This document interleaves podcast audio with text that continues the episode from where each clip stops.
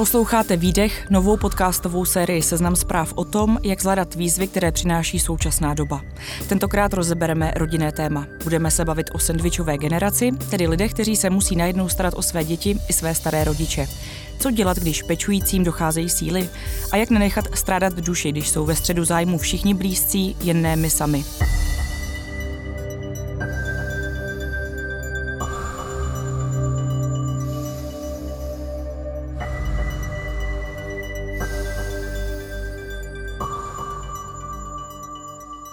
O tom všem už s mým hostem, kterým je klinická psycholožka a psychoterapeutka Martina Kukolová. Dobrý den. Dobrý den, vítám vás taky. Ať to máme hned na začátek jasno, co je to sandvičová generace, případně sandvičové mateřství. Zkuste prosím přiblížit tyto termíny. Pod sandvičovou generací by se asi nejspíš každý představil člověka tak jako mezi 40. a 50. rokem, který pečuje ještě stále teda o svoje děti, nebo děti mu dorůstají, jsou v pubertálním věku, nebo ve věku nějaké školy, kdy potřebují ještě dostatečnou péči od rodičů a zároveň stárnoucí rodiče, kteří už začínají být nemocní.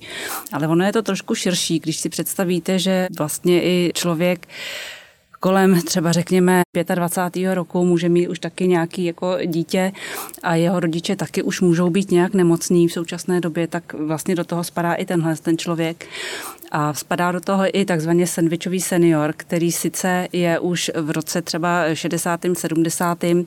má už svoje vlastní děti dospělí, ale stará se o vnoučata a chce se starat taky sám o sebe, mnohdy chodí do práce a zároveň jeho partner taky může být nemocný. Takže to je strašně široká škála vlastně věková i genderově a jakkoliv jinak. Já sama jsem maminkou malého dítěte, pracuji a do toho mám častý kontakt s mojí maminkou, která je sice plně soběstačná naštěstí, ale po smrti táty žije sama a nebývá jí úplně nejlíp. Štve mě, jak mám na všechno málo času, jak to úplně dobře nestíhám a snažím se dělit tu pozornost mezi všechny, které mám ráda. Jsou tyhle ty výčitky, že něco nezvládám nebo že na někoho nemám čas typické pro tuhle tu generaci sandvičovou? Jsou. A nevím, jaký výčitky teda máte vy, ale nejčastěji jsou to výčitky právě toho, že se nezvládám starat o své děti. Jo, že nestíhám tu péči o děti, protože to nějak jako rodiče považujeme za svou primární povinnost.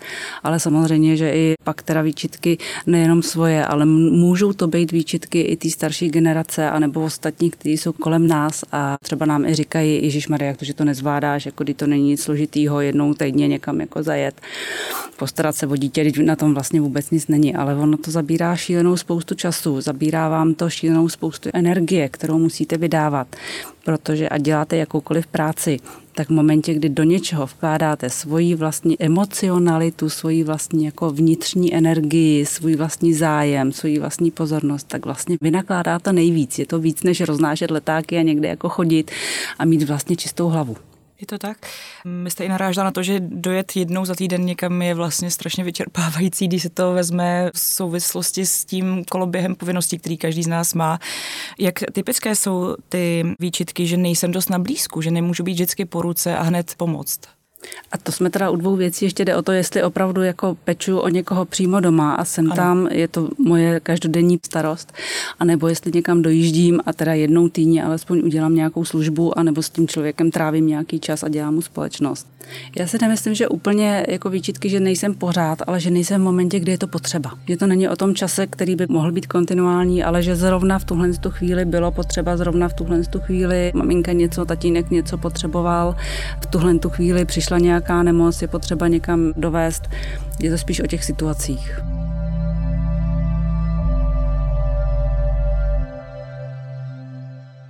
Kdybych se soustředila na péči o svoje dítě a o své případně teda nemocné staré rodiče. Ztrácela bych patrně veškeré sociální kontakty, veškerý volný čas, který bych mohla mít pro sebe. Sotva bych se mohla věnovat práci. O co dalšího ti pečující lidé vlastně přicházejí? Protože to je celá škála. Tak co jsou takové nejviditelnější problémy, které tihleti lidé řeší? No, mně přijde, že první teda, co se vyškrtne, je vlastně zábava Mm-hmm, jo? A ono nějakou chvíli se to samozřejmě dá, ale nikdo neví, na jak je to dlouho. A každý si říká, no tak to zvládnu, to bude na chvilku, ale časem a když to potom přechází do nějakých let, vlastně fakt to trvá i roky, tak zjistíte, že opravdu přicházíte o svoje koníčky, o svoje přátelé, známé, o nějaký jako relax a nejste toho vůbec schopná. Teda mluvím v ženském rodě, většinou se to týká žen, ale to, že přicházíte o nějaké jako radostné zážitky a o to, co vás baví, to je tak jako nejčastější a vlastně to dochází až k nějaký sociální exkluzi. To znamená, že vlastně vypadnete z té společnosti, že vlastně přestanete mít témata, o kterých se můžete s druhými lidmi bavit. Najednou máte pocit, že oni řeší vlastně věci, které se vás netýkají a oni mají pocit, že vy zase řešíte pořád jenom to jedno svoje a nejste schopná slyšet, o čem by si rádi povídali oni. Na co se nejčastěji stěžují právě vaši klienti, nebo stěžují, s čím přicházejí, s jakými problémy, které jsou pro ně palčivé? Já teda, když šahnu do své vlastní ambulance, tak tam bohužel se objevují až ti lidé, když už je vlastně po všem když už ta péče skončila nebo ten senior se dostal do nějakého domova s pečovatelskou službou nebo se zvláštním režimem a dochází tam k těm výčitkám, že toho člověka jako někam odložili, že nejsou k dispozici a že co kdyby se stalo. A nebo potom se setkávám s lidma, kde teda ten starší příbuzný nebo nemocný příbuzný už zemřel a jsou tam strašné výčitky, co jsem ještě mohl udělat víc proč jsem tam v tu chvíli nebyl, proč jsem tam nebyl 24-7. A je to teda i důvod, když jsme se bavili, o co přicházejí, vlastně přicházejí o dovolenou. Vlastně i z těch výčitek, jako co když se stane něco zrovna v ten moment, když budu na dovolený. Nikdo jiný se nepostará tak dobře, nebo prostě zrovna v ten moment, kdy jsem potřebná, tak tam nebudu. Vy jste i říkala, že někteří lidé třeba řeší, jestli v něčem neselhali. Někdo možná přemýšlí už trochu dopředu a uvědomuje si, že by třeba všechno nezvládali. To ostatně příběh i jedné z našich posluchaček, která veřejně sdílela svůj příběh. Napsala, že rodiče, kterými přes 70 let jsou čím dál méně soběstační, několikrát týdně za nimi přijede, ale bojí se momentu, až ji budou potřebovat plně, protože se jejich zdraví zhoršuje. A píše, nechci skončit v práci, ani nemůžu. Kdykoliv se s nimi opatrně začnu na toto téma bavit, urazí se, myslí si, že se o ně nechci postarat. Jak si takovémhle případě pomoci? Co třeba radíte svým klientům, když přijdou s něčím takovýmhle? Moc není co radit, že jo. Tam spíš jde o nějaké vysvětlování a záleží na tom, v jakém stavu taky ten druhý člověk je. Jasně, jako zkuste si představit, že vám někdo oznámí, hele, jako bylo by asi fajn, kdyby si přemýšlela o tom jít se odstěhovat někam do domova seniorů, no tak jako kdo chce, nikdo.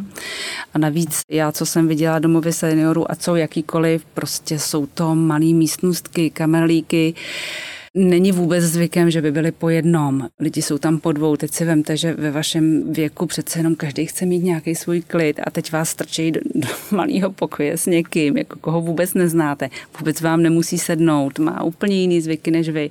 Takže s takovouhle představou se prostě do toho nikomu nechce. Já se tomu nedivím, já jako bych vyjádřila nějaký pochopení a spíš bych se teda ptala, jak je možný to řešit, jaký má ten druhý člověk představy, aby jsme se společně domlouvali na tom, jaký by mohlo být řešení. Ne, že tomu člověku teda jako přednesu, ale jako není jiný řešení, než aby jsme šli do domova důchodců nebo speciální služby, ale jsou tady ještě nějaké další služby, jakoby mezi stupně.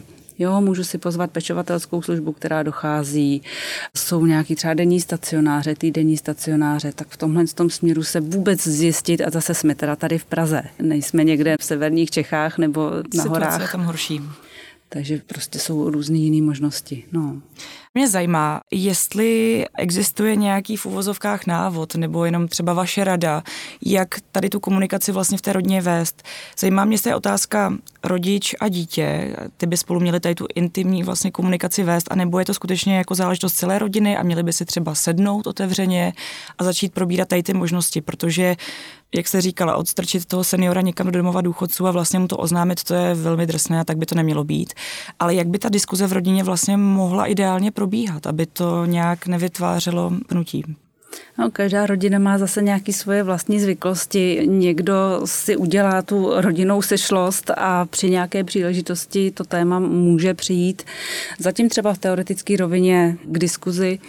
Někdy je zvykem, že je někdo, kdo umí dobře komunikovat a ten potom je tak trošku jako delegován na to, že na něj někdo jako dobře slyší. Fakt každá rodina eh, nechci to nastaví tak, jak potřebuje a tak, jak jim to vyhovuje tak eh, to bych v tomhle tom podpořila spíš v čem jsou nějaké jejich dobré zvyklosti. Tím myslím, že se doporučujete to pojímat jako skutečně téma celé té rodiny, nikoli uh, Téma je to dvojice. určitě. Hmm, téma je to určitě celé rodiny. Pokud teda má zájem, pokud se starat chce a pokud se chce třeba starat alespoň jakože finančním příspěvkem, někdo opravdu bydlí daleko, nemá tu možnost, i v zahraničí bydlej děti, ale téma je to určitě pro celou rodinu, protože zase potom může vznikat nějaký pnutí, ale vy jste udělali tohle a bylo by bývalo možné udělat ještě třeba něco úplně jiného.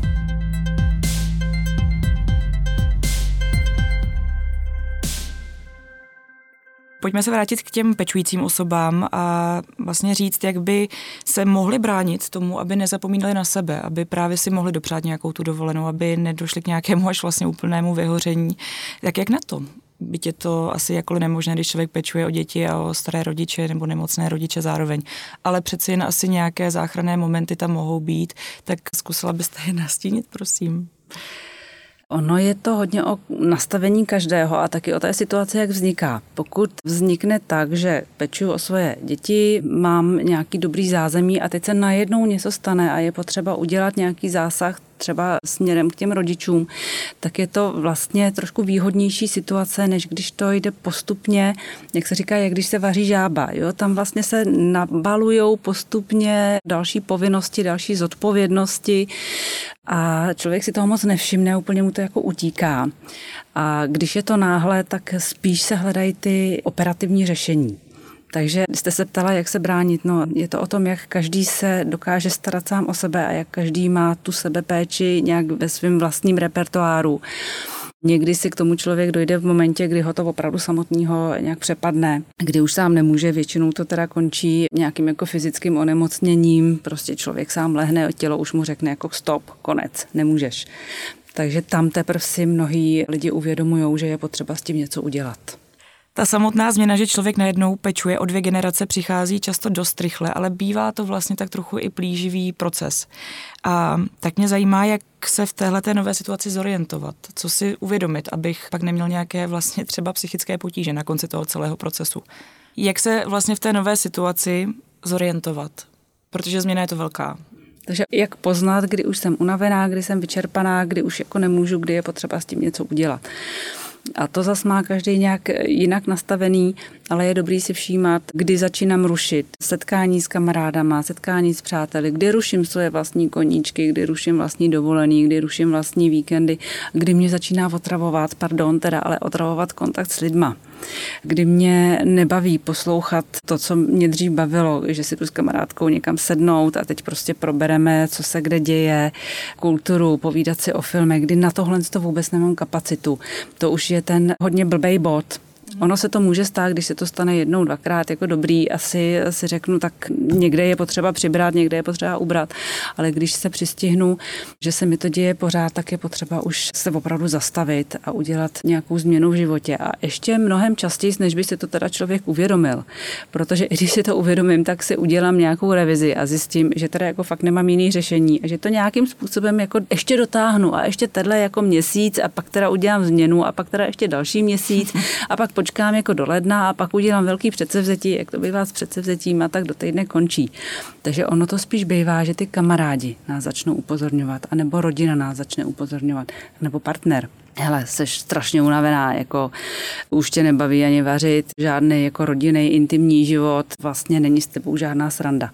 Tak to si myslím, že spíš bývá, že nás upozorňují ty lidi okolo je to možná ještě z těch lepších variant, protože si umím představit, že třeba se ty kamarádi přestanou ozývat kvůli tomu, že člověk pořád nemá čas, je unavený, vlastně s nimi moc nemá o čem diskutovat, takže tam možná nastává pak tenhle ten problém, že člověk je na to sám a jak si potom vlastně odpočinout, nebo jak najít teda nějakou záchranu pro sebe, když času není mnoho. No, když už vím, že potřebuju najít záchranu, tak už je to dobrý. Ale spíš je to... si to aspoň. Hmm, když už to vím, tak aspoň můžu vyslat nějaký signál a můžu se poptávat lidí, hele, jak jste to řešili vy, jestli jsou nějaké jako možnosti a pak je začít hledat. Mm-hmm. A kdy to dojde do momentu, kdy už si mám říct, že bych potřeboval skutečně odbornou pomoc? Jak to poznám? Jako ve všem jiném, jako lidi složitý, velmi často, velmi často nepoznají, kde jsou jejich limity. Někteří jsou zvyklí jít si přes své limity a ti se tam většinou teda objevují, protože lidé, kteří nejsou zvyklí chodit přes své limity a umějí si ty hranice dobře držet, se do téhle situace většinou moc nedostanou. Ty tu pomoc jakoukoliv jinou i materiální a operativní vyhledat umějí. Ale ty lidi, kteří přes ty svoje limity jdou, tak prostě jdou tak dlouho, až je někdo upozorní. A většinou to potom bývá to tělo, který dá nějakou informaci, ale infekce nebo začne něco bolet, většinou, že klouby, páteř, hlava, chronická únava, Teďko to bylo velmi často po covidu, takzvaný covidový syndrom, který taky ale může, když je takhle chronický, protrahovaný, vyjadřovat něco v životě je blbě a jenom nás to jako skolilo a nejsme schopní se z toho zvednout, protože ta síla není. Znamená to tedy, že ta jediná pomoc, když už člověk nemůže, nemusí být nutně pomoc psychologů, ale naznačovala jste, že tam tedy nějaká ještě záchranná síť lidí, kteří mohou pomoci vyloženě s tou péčí. Co to tedy vlastně je, jak si to představit? Říkala jsem, že péče o děti, tam je to poměrně jako složitější. Je možnost požádat o nějakou péči pro děti, které jsou nějakým způsobem jako handicapovaní, postižení, anebo je systém rané péče, která funguje do věku sedmi let dítěte, ale zase to dítě musí mít, tuším, nějaký handicap. Já tady v tom teda nejsem úplně obeznámená s touhle situací. U těch stárnoucích nebo nemocných dospělých potom je to možnost buď to asi v první chvíli pečovatelské služby, která dochází, dělá nějaký předem domluvený úkony přímo v domácnosti, nebo je to potom takzvaně osobní asistence, která funguje, takže tomu člověku je vlastně při ruce něco jako osobní asistent ve škole. Nejsou předepsané služby, ale opravdu mu dělá takovou jako druhou pravou ruku. Pak jsou ty denní stacionáře nebo týdenní stacionáře, které můžou fungovat v momentě, kdy člověk je schopný se o sebe nějak starat, anebo rodina je schopná zajistit tu péči, ale ne přes den, když jsou v práci. A pak jsou teda ty domovy se speciálním režimem, anebo domovy pro seniory. Dostává mě to k další otázce. Jedna z posluchaček, paní Markéta, píše, že se starala o maminku několik dlouhých let a hroutila se z toho sama. Měla pocit, že je na všechno sama a až v momentě, kdy si s manželem řekli, že by chtěli dítě, tak dali maminku právě do domova. Zajímá mě, jak časté je tady to řešení, že si člověk řekne, že sám by na to nestačil a maminku nebo tatínka nebo babičku s dědečkem dají do domova seniorů.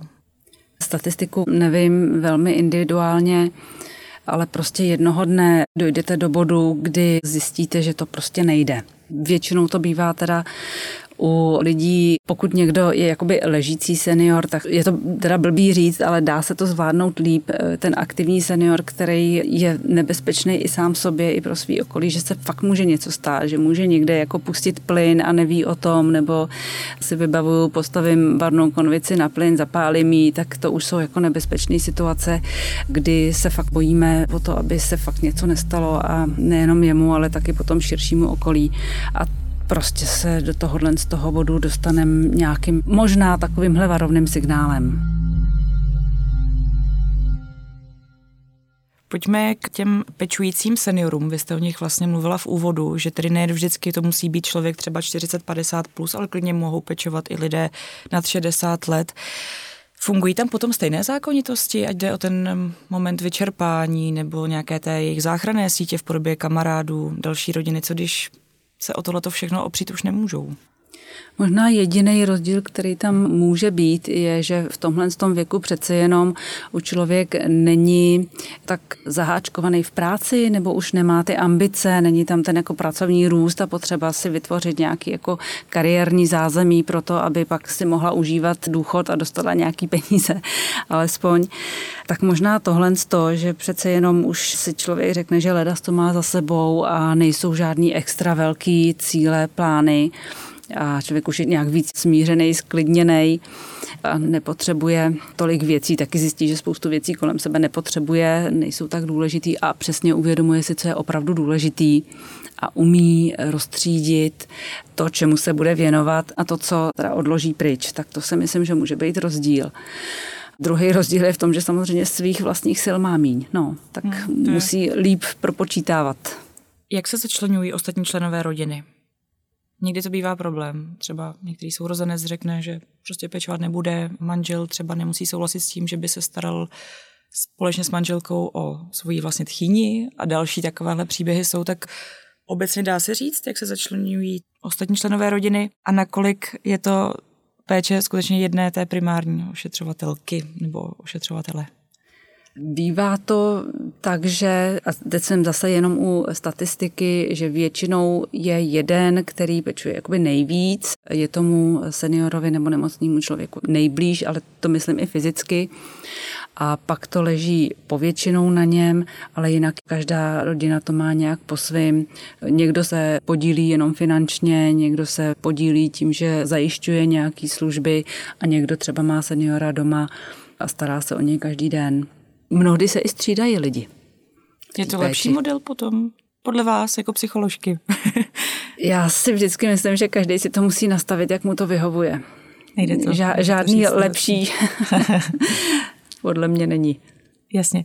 Posluchačka Hanna se podílela o svůj příběh. Říká, že táta se od nich, od, tedy od rodiny odstřihnul, když se deset let staral o svou nemocnou maminku s Alzheimerem. Ovšem začal u toho pít, protože to příliš nezvládal a potom své dceři vyčítal, že se o babičku nestará a všechno leží jenom na něm. Jak tedy lze uspořádat nějak vztahy v rodině, aby tam nedocházelo k takovýmhle konfliktům? No, zdá se, že by to bylo na delší povídání a nebývá to tak, že jeden konflikt vytvoří takový napětí, který by si nedalo řešit. Je to zase, jak je ta rodina zvyklá se podílet na společném běhu, jak je zvyklá řešit problémy, jak je zvyklá se postavit k tomu, když se někdo vyskytne někde na hraně nějakého, když už teda řekneme alkoholismu nebo jiného problému, jestli se teda všichni zapojejí. Bývá to tak, že ze začátku se všichni zapojejí, ale časem se prostě vyčerpají a tam zrovna v téhle tý specifické situaci ono dát si ten limit je taky o tom, že dávám si svý vlastní hranice toho, kam já si taky tu záležitost pustím.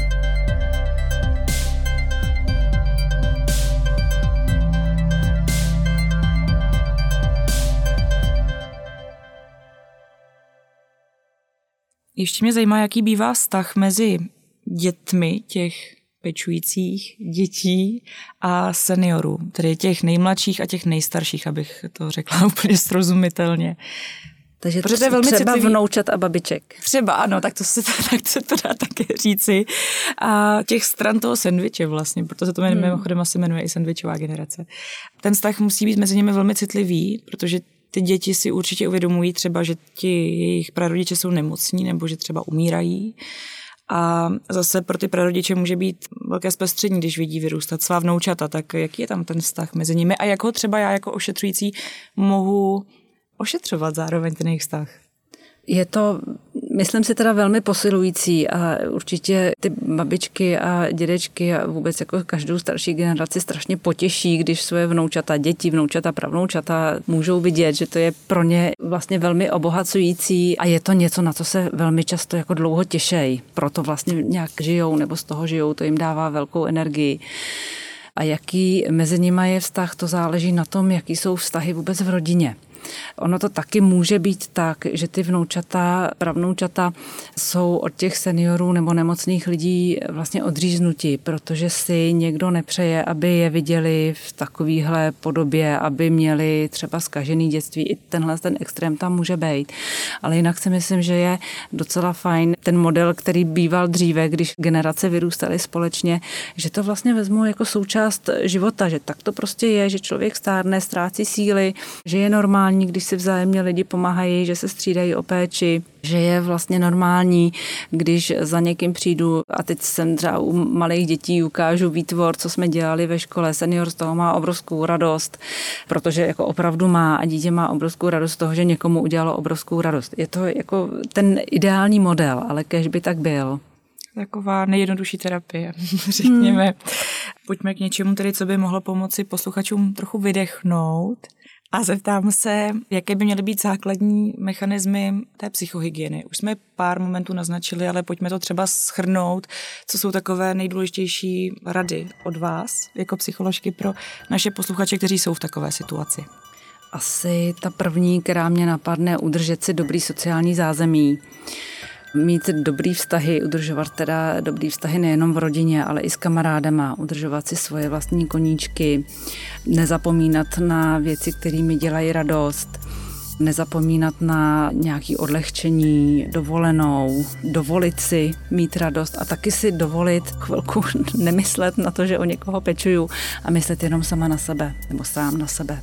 Děkuji paní Kuklová za rozhovor, za vaše cené rady i za váš čas. Děkuji za pozvání, mějte se, nashledanou.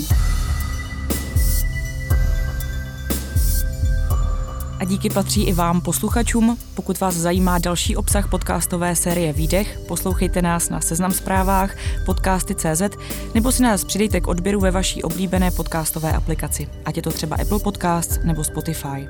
Jaká další témata, typická pro rozbouřené časy, bychom měli otevřít? Napište nám, co vás trápí nebo co vás zajímá na mail výdech.cz. A sledujte nás také na Facebooku, Twitteru nebo Instagramu. I tam můžete psát své tipy a nápady. Uslyšíme se znovu za týden.